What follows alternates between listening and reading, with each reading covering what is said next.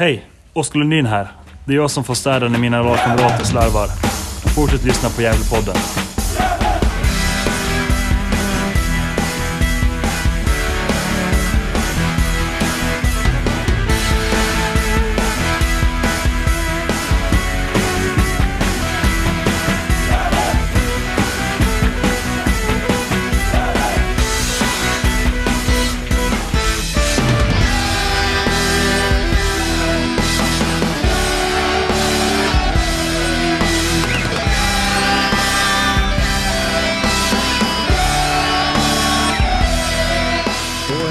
Varmt välkomna till ett nytt avsnitt av Gävlepodden. Och det är avsnitt nummer 346 i ordningen. Eh, och jag är tillbaka från Aten. Eh, och hade det väldigt trevligt där med fint väder. Och eh, kom tillbaka. Jag Har sett matchen mot, mot Jönköping som jag tänker att jag vill ändå komma in lite på. Men vi ska såklart prata om utsikten hemma och prata upp eh, Landskrona borta i den här podden. Och till min hjälp har jag som vanligt Isak Muren från Uppsala. Hur är läget Isak? Det, det är bara bra. Det är en ganska lugn vecka. Börjar närma sig valborgsfirandet. Det är väl högtid här i Uppsala så det, det, är, det är roligt. Mm, härligt. Eh, vad, vad är din plan inför valborg då? Kommer du... be- Behöver vi vara oroliga, jag och Johan? Nej, nej, mig är nog den sista ni behöver vara orolig för. det, skönt. ärligt talat är det inte så himla mycket planer. Det, jag har inte fått biljett till något ställe så det så ska vi försöka komma in på en livekväll eh, på ett ställe men annars, annars får vi se. Forsränning och sånt som hör till. Orfi-drängar. Ja, får se vad det blir. Ja, jag får... fors, forsränning låter ju väldigt kallt så här års tycker jag. Ja, men eh, jag får inte vara med. Jag är inte teknolog. Så jag får bara stå och kolla. Så jag klarar mig ju. Ja, det är ju härligt. Ja. vad, vad får en framtida lärare göra på valborg då? Har man någon speciell uppgift? Eh, nej, det tror jag inte. Bara hålla, hålla ordning. jag. Ordning i klassrummet. Ja, nej, jag, jag får ta på mig det. Ja, och så har vi Johan Norrström också. Eh, Inte så bara. Hur är läget Johan? Ja, men det är bara fint. Eh, Jag har en ledig vecka så att eh, jag ska absolut inte klaga. Det, det, det är riktigt skönt. Nu ska jag se till att slappa och ta det lugnt och ja, bara träna och ladda upp inför helgen här och ja, lite valborgs eh, planer har man väl och, och, och så blir det ju fotboll också så att eh, ja, nej, men det, det blir nog en fin vecka det här. Mm. Lite fiske kanske också va? Ja, nej, jag, jag väntar på bättre väder. Ja, okej. Fis, ja. Fiskedamm i majkasen. Ja, det får vara, Kanske. ja möjligt. möjligt. Det är ju vinst varje gång så att, Ja, just Till Men, skillnad eh, från annars. ja exakt.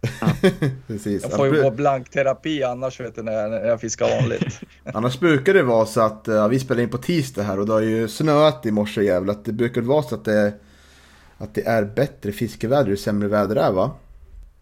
Jo, men så kan det vara faktiskt. Eh, framförallt, eh, ja, framförallt vintertid ska jag säga när, det, när isen ligger och det är riktigt busväder. Då brukar det vara riktigt bra fiske efter ädelfisk då, som jag oftast eh, ja, vinterfiskar då, vintertid. Ädelfisk. Ja, det är helt rätt. Det Fiska när det regnar, har jag hört. Ja, Stämmer det? Eller är det bara en sån skröna? Det är nog, det är nog en liten skröna däremot. Ja, okej. Eh, Men som sagt, jag, jag, jag brukar oftast bara fiska när det är bra väder. Så att, Vad är ädelfisk för något? ja, men det är ju eh, öring, röding, eh, harr Mm. och regnbåge. Ser, jag har lärt mig något nytt idag också. Mm. Mm. Eh, Jag vill passa på att tacka. Jag tycker ni gjorde ett väldigt fint arbete med podden förra veckan. Jag satt och lyssnade när jag var på väg hem från Aten. Och eh, förutom det lilla haveriet med, med, ett, ett, eh, med att redigera podden då Johan. Men det var lite inställt på så det, det var ändå okej. ja, Ja, Men- ja, ja. Det, det var ju väntat. Det var ju 100% säkerhet att eh, någonting skulle gå åt skogen. Motsatsen till vinst varje gång. Tänkte att, Ja. att det går en minut 53, ja nu är det klart. Och så började jag prata igen, jag tänkte först, är det här eftersnack eller någonting? Sen märkte jag, det är samma snack igen. Så, Och gick den runt två gånger? ja, så här, uppsnacket inför matchen gick upp två gånger. Ja, ja, ja. I alla fall på, på min poddspelare så. Mm. Men bra, det var Ja. bra, bra snack ändå så det ska liksom tryckas in till våra lyssnare tycker jag. Två Mm. gånger, det gör Ja, inget. tack. Ja, Men all, all, alla fall så blir man när man lyssnar så här, man blir, vill sticka in med saker och känna, ja här vill jag liksom hejda dem och säga någonting. Och ni, när ni pratar upp matchen mot, eh, mot eh, Utsikten då, så pratade ni lite om startäven och sånt. Och där kände jag att här vill jag sticka in och säga att jag tror att det blir en ändring i formationen. Och det fick jag ju lite rätt i för att i matchen mot Utsikten så ställde vi upp med en 4 5 1 Som vi gjorde stor del av förra säsongen. Och eh, där fick ju då KP förpassas till bänken. Och eh, in gick eh, istället eh, Constantino Capatondi på mittfältet. Där Iranera fick en bänkplats och eh, eh, Anton Jakob kom också in, startelvan. Mm. Mm, så var det. stämmer. Mm. Och eh, där eh, tyckte jag var intressant för det kände, jag kände så att vi har ju liksom haft en match innan mot Helsingborg hemma. Eh, en matchbild där vi verkligen på förhand ville säkra upp bakåt med tre, tre mittbackar. Och här kommer ett lag som på pappret inte ska vara lika starkt och eh, då ville nog Micke prova lite att eh, vi går tillbaka till hur vi spelade förra året, så får lite mer tyngd på mittfältet och kanske lite mer framåtlutat. Eh, utfallet av det tycker jag vi ska diskutera, helt klart. Men det är intressant tycker jag i alla fall att Jakob kommer in, men han får spela på kanten och Adrian Ekvist får spela centralt. Eh, hur pass förvånade var ni över det? Vill du börja Isak? Um, nej men jag, jag, vet, jag, jag var ju lite inställd på att det skulle bli samma elva just för att jag tycker inte att det var så dåligt mot, mot Jönköping.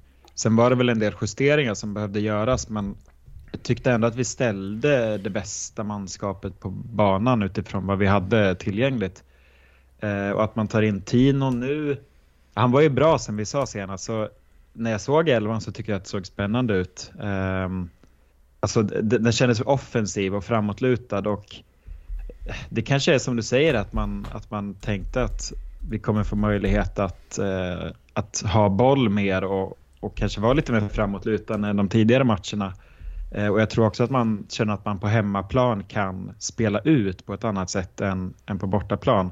Så jag tror definitivt att man anpassade elvan efter det. Nu kommer jag inte ihåg vad du frågade först. Men Ja, tankar kring, kring valet av Edqvist centralt ja, Edqvist, Jakob just det. på kanten. Ja, jag- Jakob, jag tycker han hamnat lite fel. Alltså, han har gjort det bra i de inhoppen, speciellt när han gjorde mål, men jag tycker liksom inte att det riktigt att han hamnar rätt nu på kanten. Eh, blir ganska isolerad stora delar av matchen. Eh, och Edqvist som vi hyllade väldigt mycket efter Jönköpingsmatchen, han faller också ur det lite så jag hade nog hellre bytt plats på dem. Eh, tycker Jakob funkar bättre när han får vara lite släpande istället för ute på kanten. Eh, Eller vad, vad kände du Johan?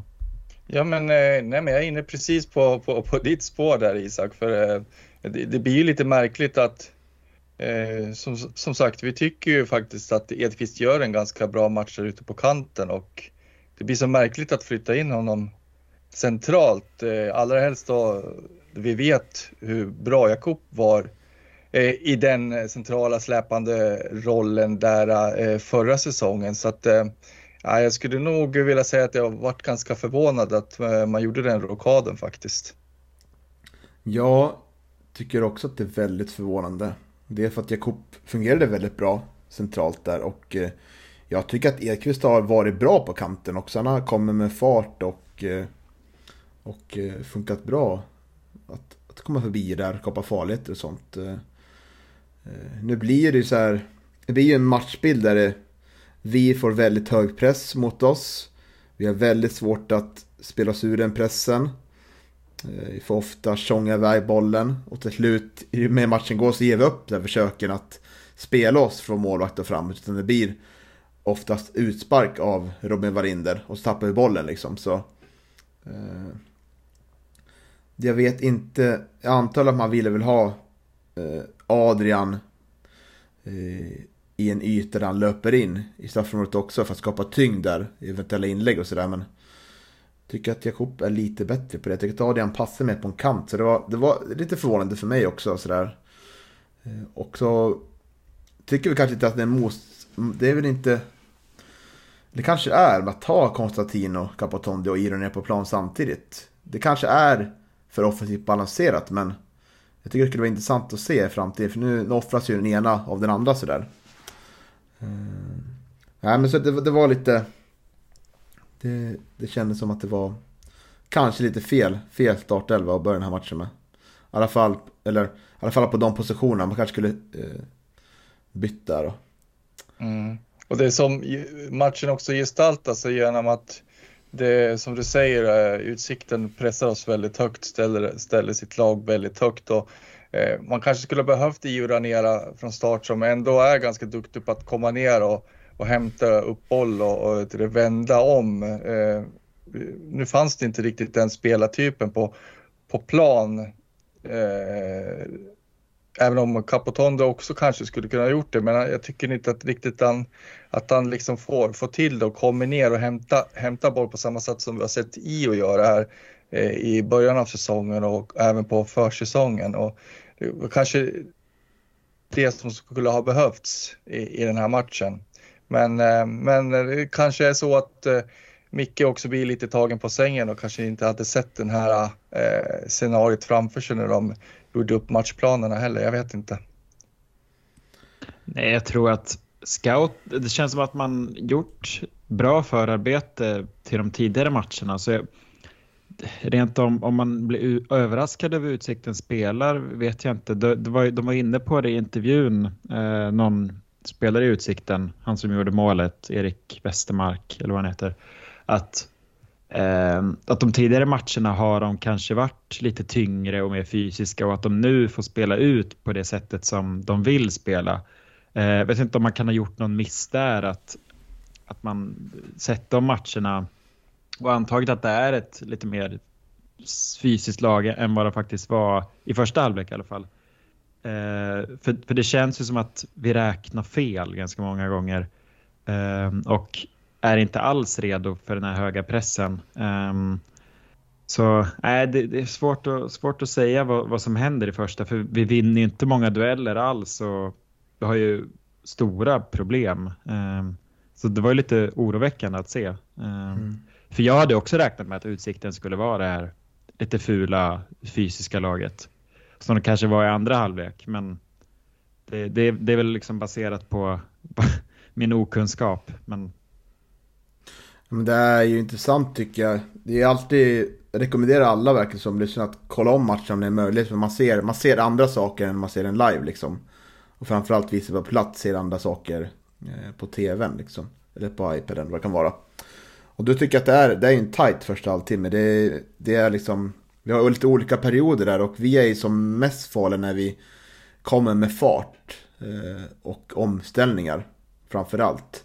Där har vi första läget där när eh, Leo Englund får det 23 minuten efter att eh, Rauschenberg slår en boll på, på Leo som får tillbaka till Jakob som slår den till Leo igen. Djupledsgående men han kommer väl lite fel där till slut, avslutet och får iväg får iväg bollen till slut men det blir en benparad så. men det var ett viktigt läge som man borde nog kanske ha förvaltat bättre. Mm. Men jag tycker att vi, vi kör liksom, vi, ju mer matchen går så blir vi lite, i alla fall när vi är 11 mot 11, vi kör fast lite på kanterna. Vi hamnar liksom i en, i en triangel där mycket på högerkanten. Det är mest där liksom vi, vi kommer fram, tycker jag, i första halvlek. Att det blir Aspgren, det är Biakup och eh, Capotondi som, som är där i en triangel. Så vet man liksom inte, man kommer inte förbi liksom för att Utsikten har väl en jättetydlig matchplan att vi kan stänga ner Kristoffer Aspgren, att vi kan ligga väldigt brett ut där. Han ska inte han komma förbi. Och då får vi liksom, då får vi börja om med början igen för att ytan bakom Capotondi, där är det jättetomt. Eh, så vi, vi ligger inte heller som ett jättebra lag tycker jag heller. Och när vi inte gör det, ligger som ett lag samlat, vi spela lite mer varierat som vi gjort med Martin Rauschenbergs och Håkanssons också, crossbollen. Men de uteblir också den här matchen tycker jag. De, kommer ibland, men de går väl ofta utanför linjen va, känns som.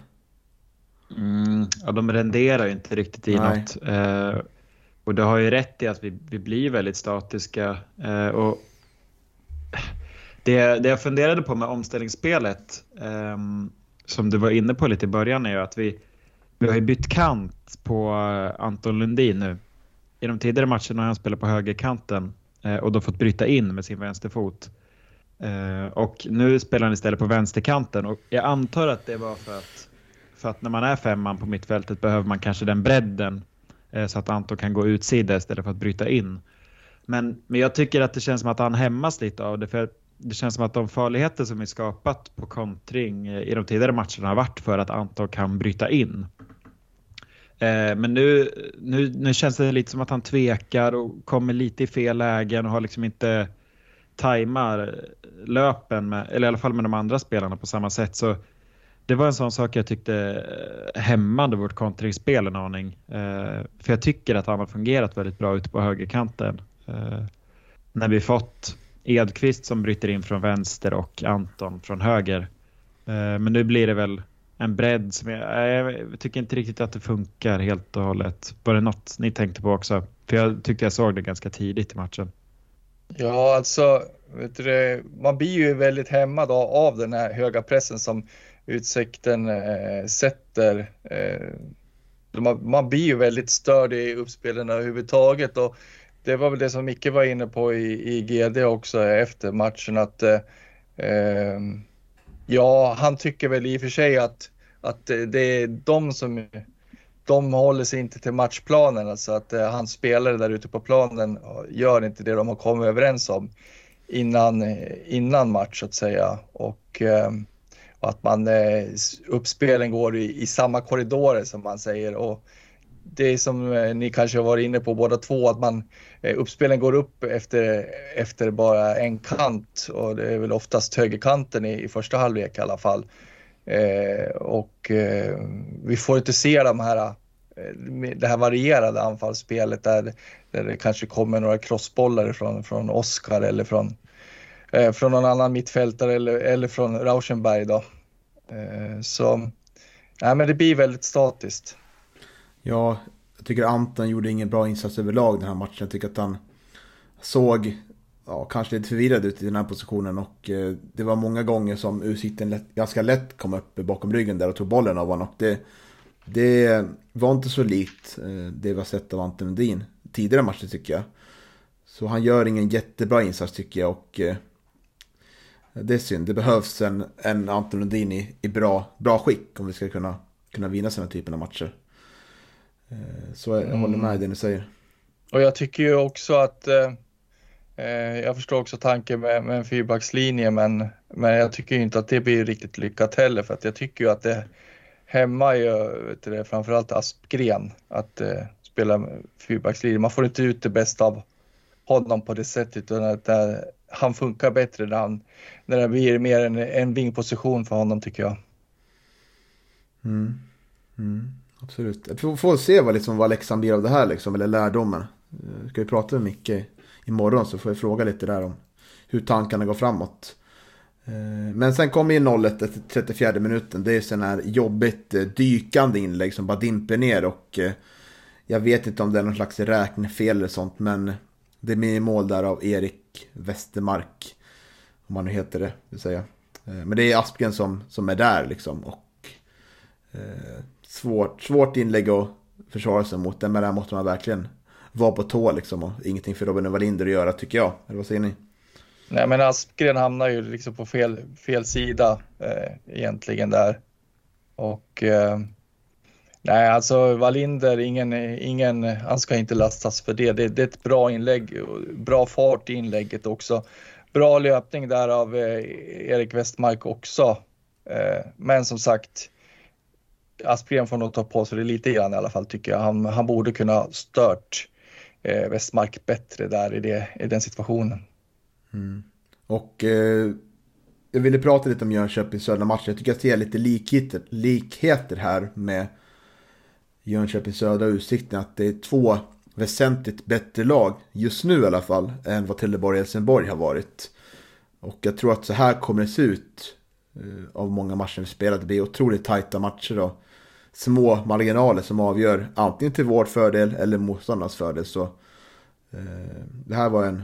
Så här, det här kan vi nog vänja oss vid att, att se i år tror jag. Eh, för, och det, det glädjer mig också på något sätt. För jag tycker så här, hade vi vunnit på Jönköping tror jag vi kunde svävat iväg lite för mycket liksom. Så jag kan nästan säga att jag tycker det var nästan betonade att det var bra att vi förlorade på ett sätt liksom. Att vi liksom kom ner på jorden igen. Att Tänk att hade vunnit med 2-0 där. Vunnit tre raka matcher släppt in ett mål. Det kanske börjar komma så här en alldeles för för, för lättnadskänsla. Oj, nu har vi tre segrar här och då kanske det kommer liksom, ja vad vet jag liksom, falla tillbaka på sig längden. Eh, men eh, jag är samtidigt glad över att se att vi, vi håller liksom någorlunda sett till att möta de här lagen i alla fyra matcher. Vi har liksom kvalitet att mäta oss med lagen i Superettan. Även om vi till slut antagligen skulle förlora den här matchen tror jag. Om ett utvisning kom i andra halvlek. Men jag tar ändå med mig liksom att jag tycker att vi håller tillräckligt hög kvalitet för att spela i Superettan nästa år. Det är mitt tidiga statement, kan jag mycket väl fatta upp men ja, alltså mycket beror ju på att vi får hålla nyckelspelare skadefria. Nu har vi ju, nu har vi ju tyvärr gjort eh, Rafael skadad och, och det, eh, det märks ju om man säger så. Och skulle det ramla in ett par skador på, på Lundinbröderna och, och kanske Aspgren och, och någon av de eh, centrala pjäserna där i backlinjen, då, då kan vi börja få problem. Eh, så Eh, det, det, är en tunn trupp och, och superettan är som, som du är inne på Niklas, eh, tuff. Det, eh, alla kan i princip slå alla i, i superettan och eh, ja, nej, eh, och sen så ska jag väl också säga att jag tror precis som du att det, det, det här vi kommer få vänja oss vid. Eh, den här typen av matchbilder. För eh, jag har sett en del annan, annan superettan-fotboll den här säsongen och den, den matchbilden vi såg på, på Gavlevallen, den, den har liknat många andra matcher. Så att, eh, nej, Superettan det är en tuff serie. Visst är det så. Och vi kommer till andra halvlek och utvisningen som ja, förändrar matchbilden. Det är ju Wilhelm Nilsson som eh, får sitt andra gula kort där. Och eh, ja, när jag såg matchen igen så märker jag att han, eh, han blir ganska tilltufsad många gånger under matchen. Så det är väl antagligen en frustration av han som har liksom byggts på under matchens gång. Att vi eh, trycker till honom lite extra sådär. Och eh, det är ju en situation efter en hörna va. Som han eh, får armen, eh, handflatan uppe i Oskar Lundins ansikte då. Och Oskar väljer att falla till marken. Eh, och ja, det, det var väl ganska Betoning mycket. på väljer välja. Ja, det, det, ja verkligen. Det, det, det är ju en förstärkning. Så, ja, ja, det lär vi precis. ju erkänna. Och det är väl också en del av spelet oavsett om man gillar det eller inte. Sådär. Ja, jag gillar det inte men... Nej, inte jag heller. Men det är sport vi håller på med Johan. Det är ingen moral och etikpodd. Nej, det är ju så, tyvärr. vi gillar när det, när det gynnar Gävle IF och vi ogillar det när det, när det, när det gynnar motståndaren. Men visst, mm. det är inget beteende vi ska eftersträva i den här klubben att gör sådär liksom. Det håller man om. det blir en återkommande. För, mm. ja. Nej men eh, om, man, eh, om man ska kommentera Willem Nilsson också, han, eh, han var ganska duktig på att utdela smällar själv också så att eh, eh, och även Även i en situation eh, seglar ner och har jätteont fast det inte var någon kontakt så att eh, eh, kanske var lite karma ändå att han, att han eh, fick syna det där eh, röda till slut. Eh, jag tycker inte att det var en spelare som var riktigt i balans eh, redan från start faktiskt. Så det, det är nog så konstigt att han, att han drog på sig två gula ändå. Nej, men alltså jag har funderat lite på den här situationen med Oskar eh, sen matchen. Att, alltså, ni har ju varit inne på det. Vi, vi, vi, tycker kanske inte om att han förstärker och det är inte snyggt gjort på det sättet. Men, men samtidigt så tror jag att liksom, så länge det håller sig på rätt sida så är ju den här lite grinigheten, alltså det är väl en anledning till att vi till att vi ändå är så pass starka som vi är och i den här, i den här matchen så, så blir det på sätt och vis utan att liksom försvara att, att det var en förstärkning eh, så hjälper Oskar laget att ta oss in i matchen. Eh, och det blir mer av en taktisk grej eh, för vi får ju ett ganska rejält övertag efter utvisningen och utsikten är ju helt ur balans eh, bra tag efter. Så Alltså, vi, vi, eh, det, vi vinner ju mycket på, på det här spelet också eh, utan att liksom lägga någon värdering om det är bra eller inte. Eh, så är det ju, det är ju en av anledningarna till att vi är så jobbiga att möta. Eh, och det kommer ju vara så att i vissa situationer så, så kommer det här slå mot oss och i vissa situationer kommer vi kunna dra fördelar av det. Men, men i den här matchen så är det ju tydligt att, att att vara inblandad i de här situationerna och göra skitjobbet, det, det, det kan ibland få vissa fördelar. Eh, har jag tänkt på. Eh, eller är, är, ni med mig? Mm. Ja men absolut, det är ju så. Vi, vi, vi, vi tycker ju om Oskar av, av många anledningar och eh, Eh, nu, nu just att han gör den här förstärkningen. Han, han får ju uppenbarligen eh, en handflata eller en hand i ansiktet och, och eh, ja, men, eh, han, han bidrar ju till att, att matchen faktiskt vänder i, i Gävles favör. Så att, ja, det, är ju, det är ju positivt för Gävle och det är ju positivt för oss som, som håller på Gävle såklart. Så är det. Och eh, han, får på, han får sitt andra gula kort också. Bara andra fjärde matcher. Lite förvånande faktiskt. Så det var mm. någon till. Så. Men det är eh. också, det känns som att alla de varningar som andra lag drar på sig mot oss är ju för att Lundinbröderna är där och irriterar. Alltså, jag vet inte, det förs väl ingen statistik över vilka spelare som är inblandade i de situationerna som renderar varningar. Men Lundinarna lär ju vara högst upp där, känns mm. det som. Mm. Absolut, det tycker jag. Bra, bra poäng en, en, en fin fördel att man har två, två spelare som verkligen kommer under skinnet på, på motståndarna. Det, det, det kan ju vara väldigt eh, värdefullt naturligtvis.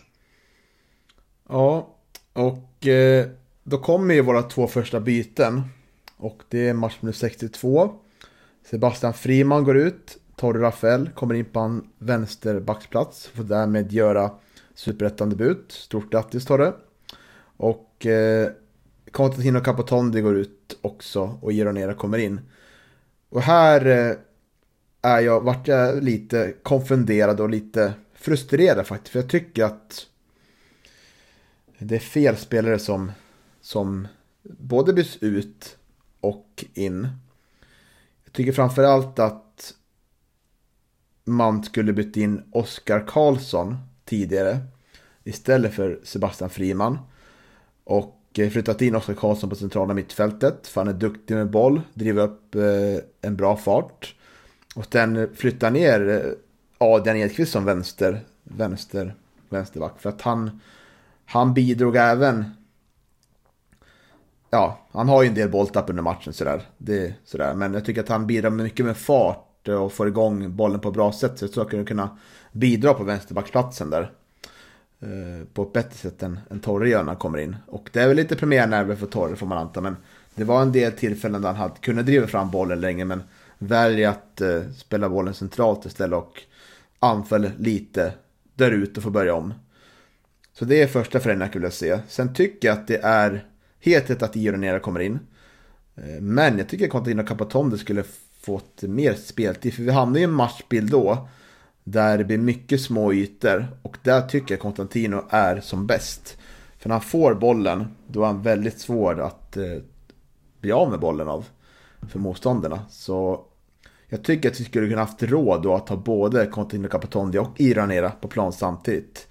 Jag hade hellre sett att Anton Lundin hade gått ut tidigare då, för jag tycker att han gör en direkt svag insats där. Eh, så det är de, det är lite argumenterar för så här i efterhand. Vad, vad känner ni kring det?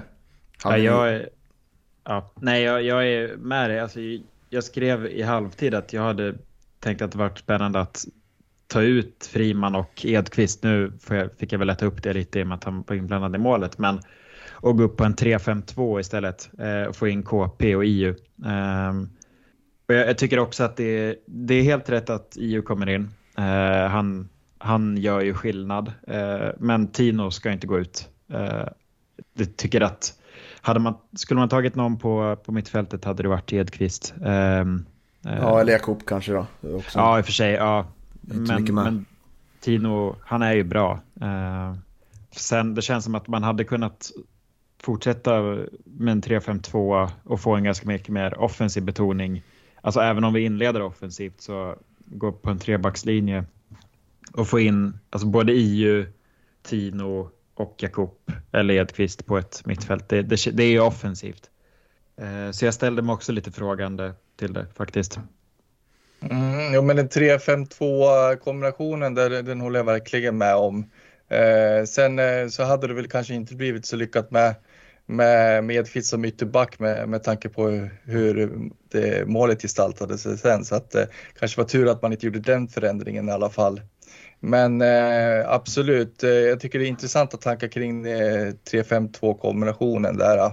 Eh, den tror jag eh, hade varit bättre om vi hade velat satt ett ordentligt tryck på utsikten där eh, efter utvisningen. Mm. Sen ska vi komma ihåg att vi har ingen jättebred trupp. Det märker vi nu när York Rafael är borta och Jakob Hjelte också borta. En Jakob Hjelte den här matchen hade varit ideal att slänga in och kunna få lite tryck på. Nu har vi ju Oskar kommer in 84 minuten, Karlsson.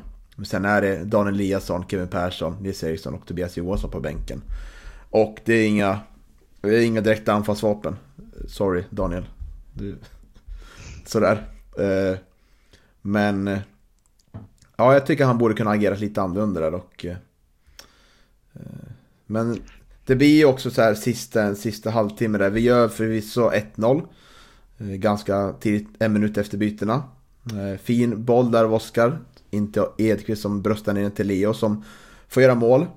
Och eh, borde vi stanna där kanske. För att det, det känns, under matchens gång känner man mer och mer att...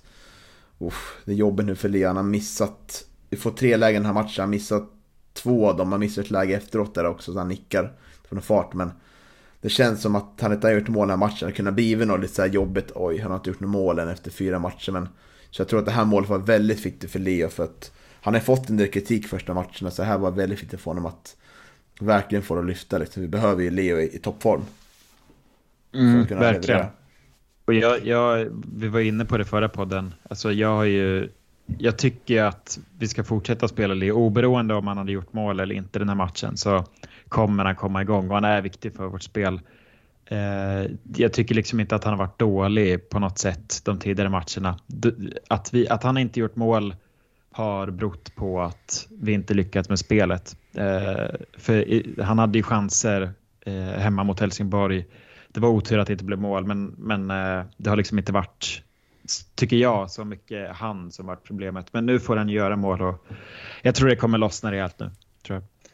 Det är ju lite produkt av att, eh, att vi spelar i, att Gävle spelar en tuffare serie nu också. Det, ja, så är han, har, absolut. han har ju bättre försvar mot sig. Det, vi möter ett bättre lag och eh, jag menar vi kan ju inte begära att han ska göra 20 mål eh, eller 22 då, som han gjorde i förra säsongen i ettan norra utan vi ska nog vara väldigt glada om man gör, kommer upp i tvåsiffrigt, eh, skulle jag tro. För mm. som sagt, det, det är tuffare i Superettan och, och, det märks. Vad är rimligt då Johan, tycker du? Är det tio mål? För att vi klarar oss kvar? Nej, ja, ja, men eh, däromkring eh, skulle jag väl säga. 10-11 mål, det, det, ska nog, det skulle jag vara nöjd med eh, om jag vore Leo och, och även Micke Bengtsson. Och, Gävle, ja, och, och vi Gävle-supportrar också. Mm. Mm. Ja. Mm. Men det känns som att det är sällan, det är ju sällan i superettan som man landar på de här 22 målen eh, och det är väl även anledning. Sen tror jag också att Anton kan nog eh, med lite tur eh, kanske hamna där uppe på 10 mål också. Eh, så vi har ju målskyttar eh, och det, vi har ju fyra olika målskyttar hittills. Så det, vi sprider ut det, vi gör ju mål i varje match. Eh, men jag tror att det kommer ju vara av av otroligt stor vikt att vi har åtminstone en som gör de här målen. Eh, för det, det, det kommer ju behövas en, en skyttekung. Eh, Sen får vi se om det blir Leo eller Anton eller Hjälte när han är tillbaka. Men, men eh, jag tror det är viktigt för laget med att Leo får göra mål också. Mm. Absolut. Och eh, vi får sagt 1-1 där av Leo. Eh, perioden efteråt, eh, vi har ju några minuter där vi verkligen trycker på liksom och sådär. Vi får inga riktiga, vi får ju mål som sagt av Leo där han nickar bra på målvakten men Sen blir det aldrig riktigt så här, vi har mycket boll men vi skapar liksom inget riktigt tryck där och jag landade väl lite när jag kollade på matchen efter att det är ju uselt inläggsspel matchen igenom. Det är många bollar som går via fötterna och det är många bollar som går rakt över eh, de som är inne i boxen. Så. Och då är, det, då är det svårt att göra mål om man inte kan spela sig förbi laget. Så. Vad är er analys till varför vi inte vinner här, den här matchen? Just med inläggsspelet, där håller jag med. Det tänkte jag också på att alltså Friman får ju väldigt mycket fot under bollen varje gång han slår inlägg. Det blir, nu lyckades han ju väldigt bra mot Helsingborg, men det känns som att det väldigt ofta inläggen går som i en båge istället för rakt. Eh, och Aspgren, där han kommer inte runt på samma sätt som han gjort tidigare, eh, som vi var inne på. Då förlorar vi en viktig del av inläggsspelet. Eh, och ja, det är väl en anledning till att vi inte skapar så mycket. Eh, och det känns som att vi varit ganska beroende av, av inlägg i de tidigare matcherna. Eh, inlägg och kontringar och när, när inget av det lyckas till den grad som, som vi behöver för att kunna hota, då, då kommer vi inte vinna känner jag.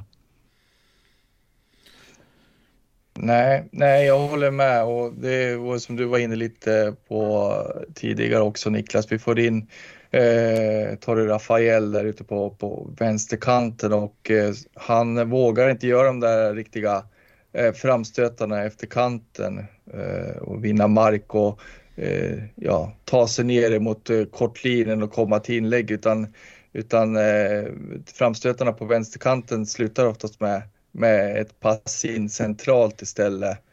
Eh, de, eh, de inlägg som kommer, de kommer ju från eh, Aspgren då.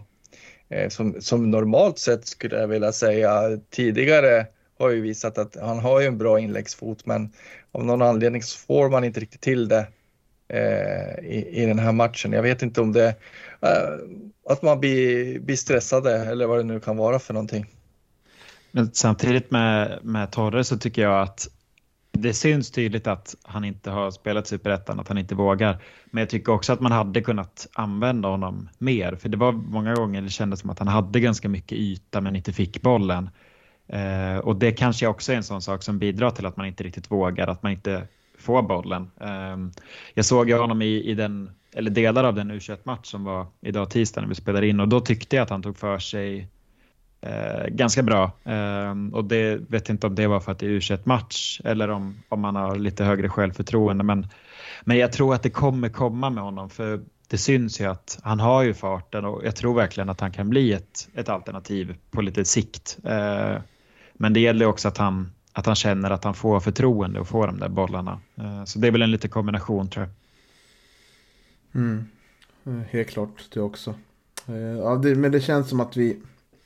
EU kommer in och jag tycker att han har bra fart i spelet, sätter fart på bollen liksom. Men, och, men annars jag tycker att vi, vi saknar den här riktiga desperationen att vinna den här matchen på slutet känner jag. Att det är så här, man känner liksom på läktaren att ah, det kommer inte bli någonting av det här och Grabbarna har försökt så gott de kan såklart, men nej, jag vet inte. Vi har haft lite mer när vi är en man mer liksom. Man, man begär ju alltid lite mer att det ska, ska sitta någon boll till sådär. Ja, men det känns som att man blir även lite orolig, framförallt eh, för jag menar eh, i vissa situationer, eh, även med en man mindre, så lyckas ju Utsikten alltså skapa tryck på. Så det, mm. det känns som att det var många, många situationer där där Utsikten spelare får bollen utanför straffområdet där både Martin och, och, och Niklas eh, Håkansson blir väldigt eh, passiva. Jag vet inte vad det riktigt beror på utan man, man, eh, man låter Utsikten-spelarna agera istället för att agera själv om du förstår vad jag menar. Utan, jag vet inte, man blir liksom orolig att man ska dra på sig någon frispark eller något sånt där. Och, Eh, Utsikten får, får ha ett par skott på distans som, som gjorde mig lite orolig. Att liksom man fick lite klump i magen där eh, när de fick bollen utanför straffområdet. Och, nej, men jag tyckte att eh, både Håkansson och Rauschenberg agerade ja, väldigt passivt i de där situationerna också. Mm, och då, vi sa väl Utsikten är det slutet av matchen man har farliga frisparken? Eller innan? Ja, de får en frispark ganska nära inpå. Eh, och då är det väl Karl, Karl Boom som tar den. Mm. Och då, då vart man väl lite rädd och fick flashback till Jönköpingsmatchen. Men eh, det var ju ganska ofarlig. Men, mm. men det är ett sånt läge man inte ska dra på sig frisparkar i. Nej, så det är väl lite, man lämnar kanske lite med, med orolig känsla efter matchen. Att det, vi borde kunna skapa mer chanser när vi är mer. Det är liksom så här, ska kunna spela runt dem på ett bättre sätt. Men det, det sitter inte riktigt så här, lite missförstånd mellan Lundin och eh, Torre tycker jag ibland när det kommer en crossboll. Ska jag ta den, kommer du ta den bakom mig så... Ja. Blir förhoppningsvis bättre. Mm. Apropå Oskar Lundin också och, och 1-1 målet, det, det, är ett fint eh, inlägg där, där han hittar, hittar Edqvist där som, som nickar ner till, till, till Leo. Så eh, beröm till Oskar för den bollen också måste jag säga. Man skulle vilja se han slå dem där oftare faktiskt. Han, han kan ju faktiskt eh, slå riktigt fina bollar i, i, i djupled och, och sådär och har ju mm. liksom en fin inlägg, inläggsfot så att ja, man, man skulle vilja se den oftare. Mm, mm, absolut, han är ju väldigt, vi har hyllat honom väldigt mycket för kortpassningsspelet men nu ska vi hylla honom för det här också, riktigt fint. Mm. Uh, nu kommer vi till uh, matchens tre stjärnor och här är vi inte helt överens, vilket uh, tycker jag är bra. Det ska inte alltid vara helt överens. För en gångs skull. Ja, precis. vilka, vilka har vi som kandidater då? Ska vi, ska vi ta det först kanske? Får argumentera sen. Jag har skrivit upp Leo Englund, eh, Oskar Lundin och Konstantino Capotondi som, som tre kandidater. Eh, tyckte de var de som utmärkte sig allra mest. Ja, nej, men det fanns inte så många alternativ. Eh, som sagt, eh, jag är också inne på Leo Englund. Han gjorde ju trots allt mål eh, och skapar ju eh, två chanser till också. Han hade ju två chanser till att göra mål där så att eh, Eh, nej, men jag tycker Leo gör så, så, så gott han kan, eller han, han gör det bra den här matchen eh, med tanke på hur den gestaltade sig. Eh, sen hade jag också Oskar Lundin och eh, sen hade jag även eh, eh, Martin Rauschenberg. Mm. Så ja, det var mina kandidater. Ja, jag står lite och velar. Jag har Leo Englund och Oskar Lundin som ganska självklara.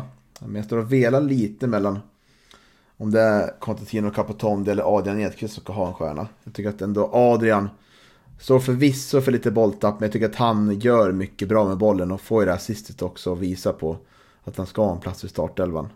Eh, men... Eh, ja. Hur ska vi lösa det här då? alltså, jag, nu när vi pratar är jag nästan beredd att sätta upp Oskar som trea eh, och Leo som tvåa. Jag tycker ja. Oskar, om man ser till eh, eh, liksom matchvinnande eller i alla fall prestationer som förändrar matchen så har ju Oskar den crossbollen och utvisningen.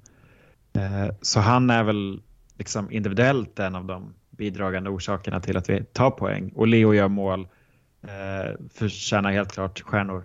Um, ja, Tino, jag tycker Tino... att eh, anledningen till att Leo inte ska ha tre stjärnor är att jag tycker att han har lite tufft i, i luftspelet där.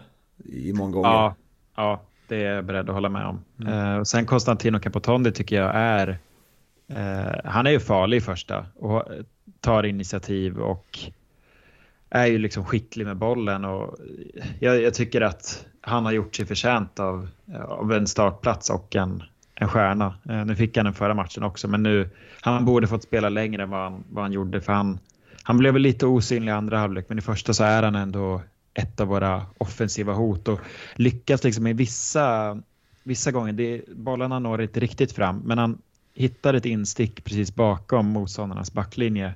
Det var någon gång Leo var offside, någon gång rann bollen iväg. Men sådana där intentioner som jag tror, när han väl lyckas med dem så kommer det skapa målchanser.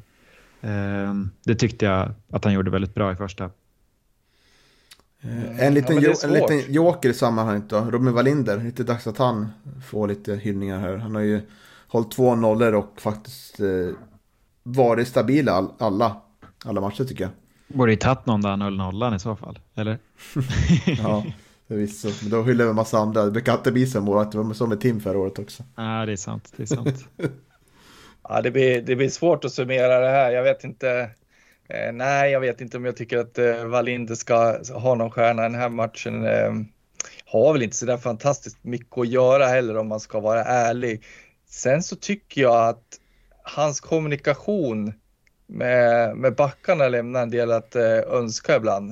Eh, han måste tala om tydligare när han ska komma ut och plocka bollar. Nu, nu tror jag att det var eh, Håkansson som liksom råkade hamna i vägen för honom. Men eh, det är ju för att eh, Wallinder inte talar om att han, att han liksom kommer ut och ska liksom plocka bollen. Så det, han måste bli mycket tydligare där. Och sen som sagt, tvingas väl inte till att göra så, så mycket avancerade räddningar i den här matchen. Så att, eh, nej, jag vet inte. Eh, det är jag lite inne på, på Isaks spår, att då skulle han ha haft eh, då skulle han haft en kanske mot Trelleborg eller mot Helsingborg i så fall. Mm, okay. mm, kan jag köpa, helt klart. Så det står alltså, men vi kan väl enas om att Le får tre, eller Oskar får tre och Le får två i alla fall. Ja, det är vi överens. Mm. Eh, och sista stjärnan står då mellan Capotondi och Rauschenberg.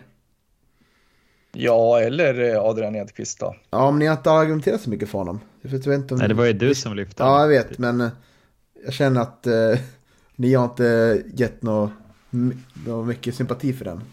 Nej, men absolut, eh, absolut. Han, är, det är ju inget fel på, på den nicken som, så, som han nickat ner till, till Leo där. Det är ju det är fint agerat. Eh, så han är ju han är högst eh, inblandad i målet så att eh, jag, jag, jag kan, jag kan köpa en, en stjärna till, till Adrian, absolut.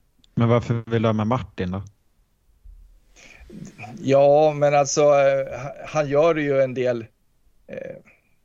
Han är ju, han är ju ändå liksom stabil och bra rent defensivt, även fast jag kanske kritiserar för dem att de blir lite passiva. Men han gör ju en del eh, vet du, avgörande brytningar och, vet du, i, i straffområdet och så under matchens gång. Så att, eh, eh nej, men jag tycker, eh, tycker väl att det kanske kunde ha varit värt en stjärna också. Men, men jag, jag, är redo att kompromissa.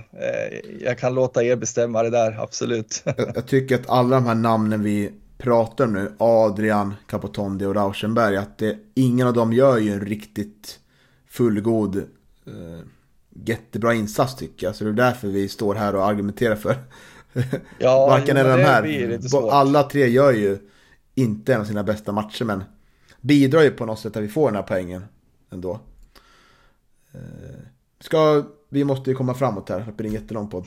ja. eh, vi får, får väl liksom göra en intern ranking då, vad vi tycker om här. Kan det vara så?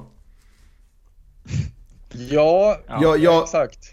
Jag... Nu är både du och jag inne på, på, på Adrian i och för sig då, så att... Ja, precis. Jag tycker eh, Adrian, Capotondi och Rauschenberg, den ordningen. Så för Adrian.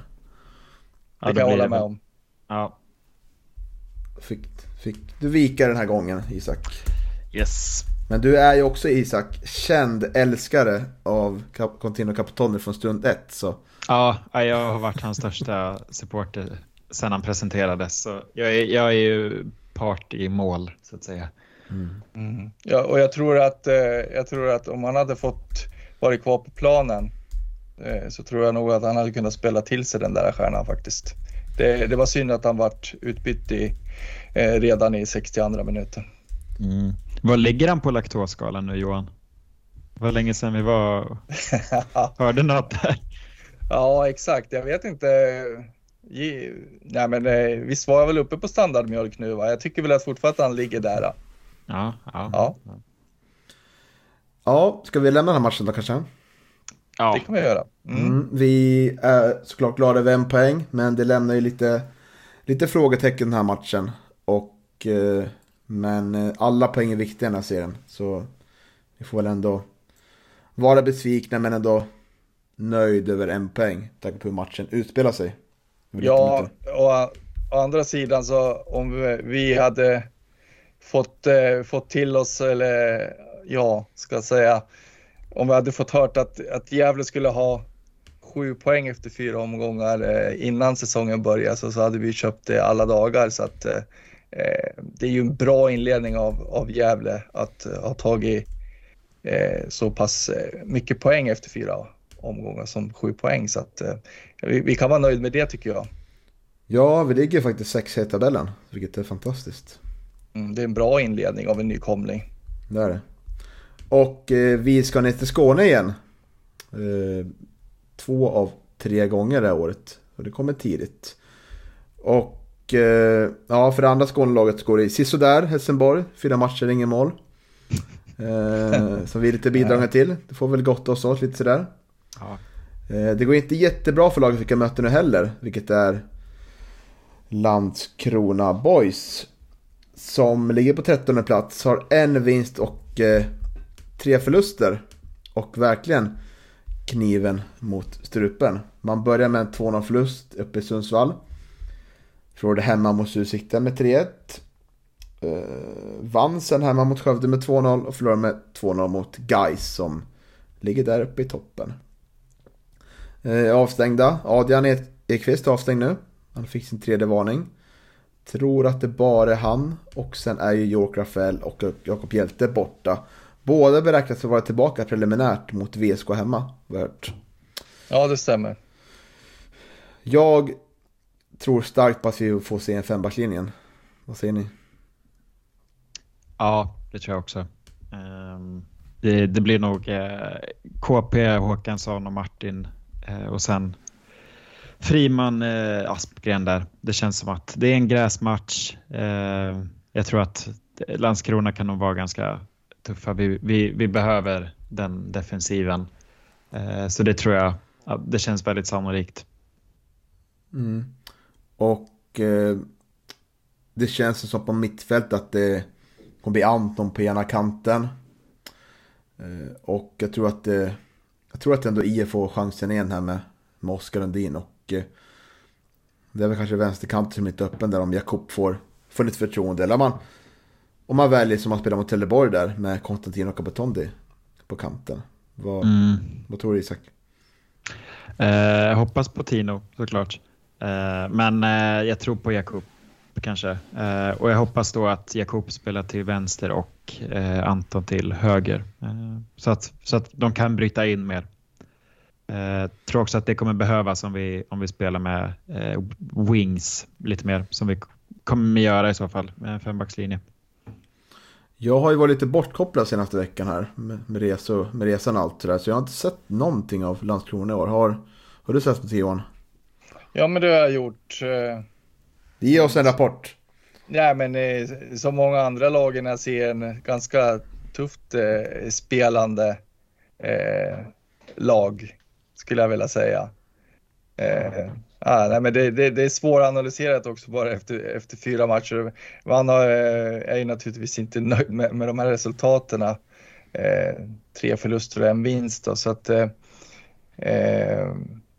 nej, men det, nej, men det, det kommer ju bli tufft. Det kommer bli tufft och jag tror precis som ni att, eh, att, man, eh, eh, att man kommer spela med en, en trebackslinje igen och med wings och så.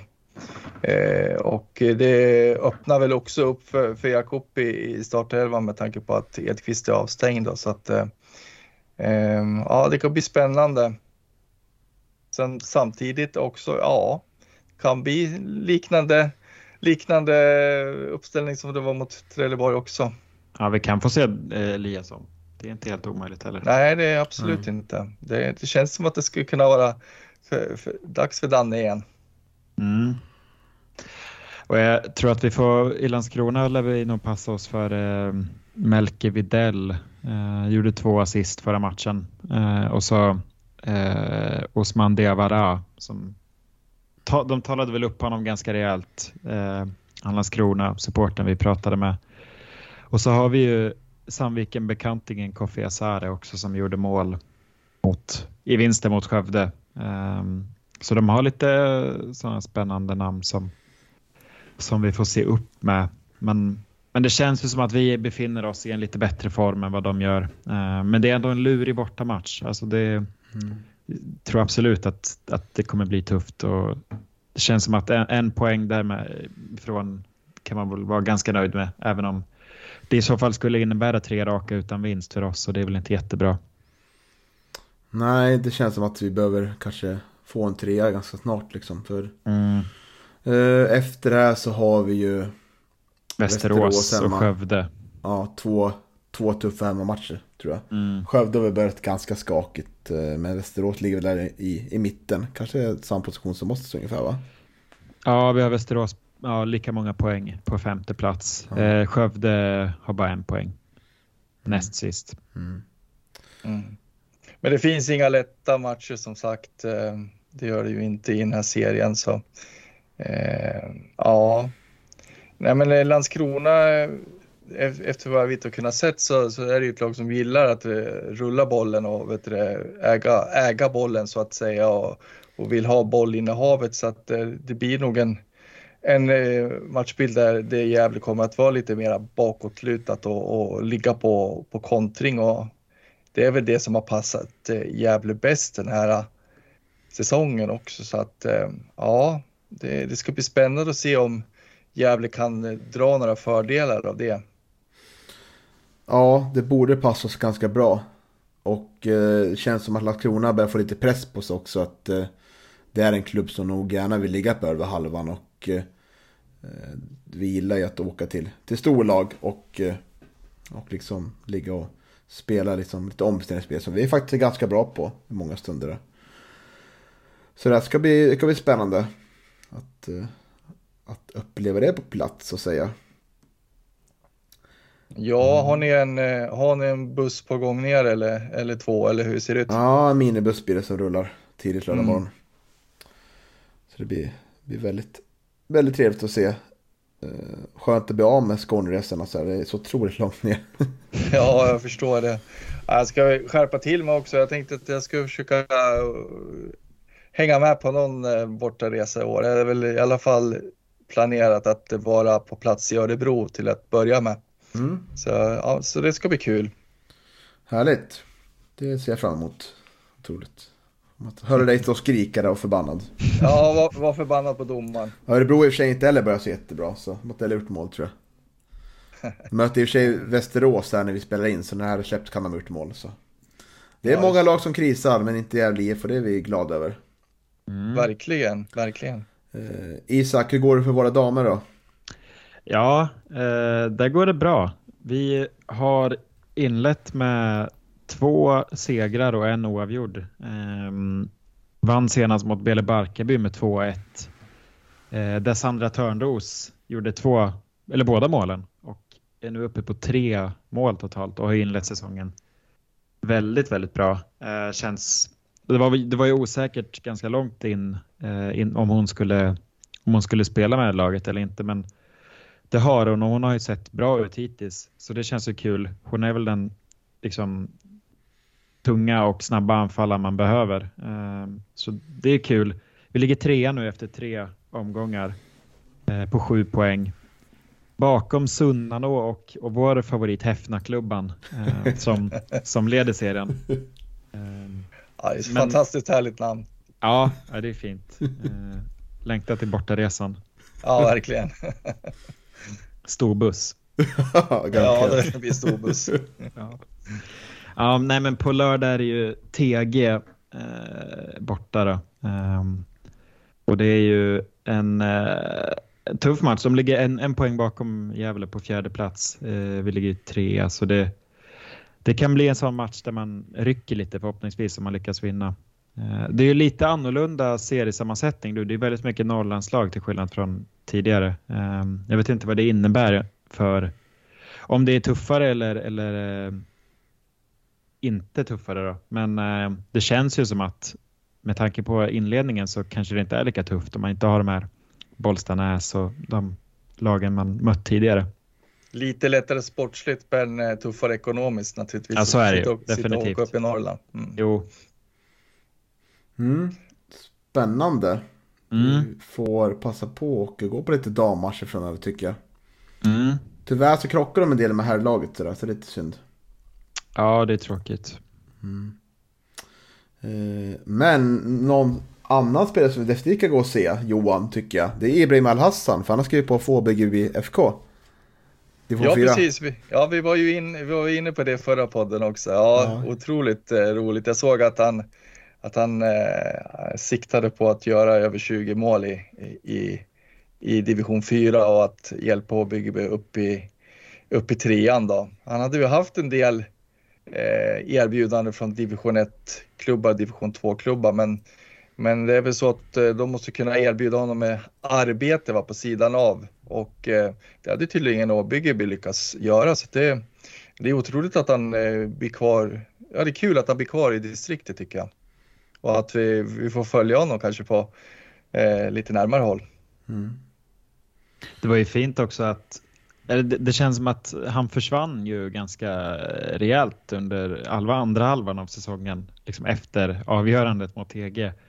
Det var ju en liten kort kommentar om, om hans tankar om sin tid i Gävle. Eh, och han sa ju att det hade känts bra i början men, men nu när han inte fått spela så, så hade han väl ändå känt en, en stolthet över att vara en del av laget som, som gick upp. Så det var ju fint. Det hade varit intressant att höra, höra mer från honom om hur han upplevt tiden här. Eh, för han har ju liksom inte medverkat något i de officiella kanalerna sådär och han har inte varit med i podden heller visst. Nej, det har han inte varit. Nej, så det, det vore intressant att höra hur han, hur han ser på sin tid här. Kanske kan bli ett Gävlepodden-möte sen. Mm, eller en framtida Veckans Per Asp. ja, just det. ja, det är sant. ja. För tidigt Nej, men 15 till 20 mål i fyran, det får man väl hoppas på. Kanske han plockas upp sen. Mm, jag vet. Men eh. han, han behöver ju absolut matcher och, och mål. Eh, så det, det kan han väl lyckas med här. Det blir kul att följa. Ja, han hade ju gjort en del mål på försäsongen. Han hade väl gjort mål i alla matcher så att eh, eh men det är kul om man får tillbaka den här, den här spelglädjen och, och så som jag tror att han eh, kan få eh, när man spelar division 4 fotboll och gör mycket mål som anfallare så är det klart att det, det, det är roligt att göra mål så jag hoppas att han får tillbaka spelglädjen. Mm. De har ju seriepremiär nu på, uh, i helgen också tror jag, på fredag i fyran. Så vi, vi, får se hur det går då. Börjar mm. lite senare. Just det. Ja, mitt lag i fyran är såklart Valbo FF, min moderklubb. Just det. Ja, man har haft ett, några tuffa år. Ja, verkligen får man säga. Ja. Stå, är det Hugos son som står fortfarande? Mm, jag tror att de är i truppen i alla fall. Ah, okay ja, vi kan inte komma in där, det blir lång podd då. Hela val, ja. Valbos förfall och sådär. Ja, vi tar det sen Niklas. Ja. Men jag tänkte göra lite reklam här faktiskt för lite trevliga saker som händer Gävle IF-relaterat. Dels ska vi spela in en del poddar med Micke Bengtsson som går under eh, namnet Processen fortsätter. Eh, där vi djup, gräver lite djupare med Micke liksom om om hur det går på planen, spelsätt och filosofi och allt sånt där liksom. Och eh, det kommer släppas en del under säsongen. Första kommer vi släppa gratis för alla. Alla andra blir eh, bakom Patreon-väggen då. Minst 5 dollar i månaden och uppåt. Och det känner vi att vi, vi vill ge alla de som stöttar oss här och eh, en liten extra present och sådär så. Så det hoppas vi kommer vara uppskattat och eh, var intressant. Det ska bli väldigt intressant att prata med Micke lite mer frekvent det där. Hur det upplevs det där från en tränare sådär. Eh, sen händer en del spännande saker i maj också. Vi har dels eh, VSK hemma den 6 maj, en lördag. Då eh, är, uppmanar vi i Kärrfläktan till upplandning på Noppas sportbar. Från 12.00 får man 20% på all mat och dryck. Så häng med gärna med där och samla sina matchen och sjunga upp lite och ät eh, er mätta. Och sådär. Det är väldigt bra att få 20% på mat och dryck tycker jag när det, när det är inflationstider sådär så. Det är fantastiskt.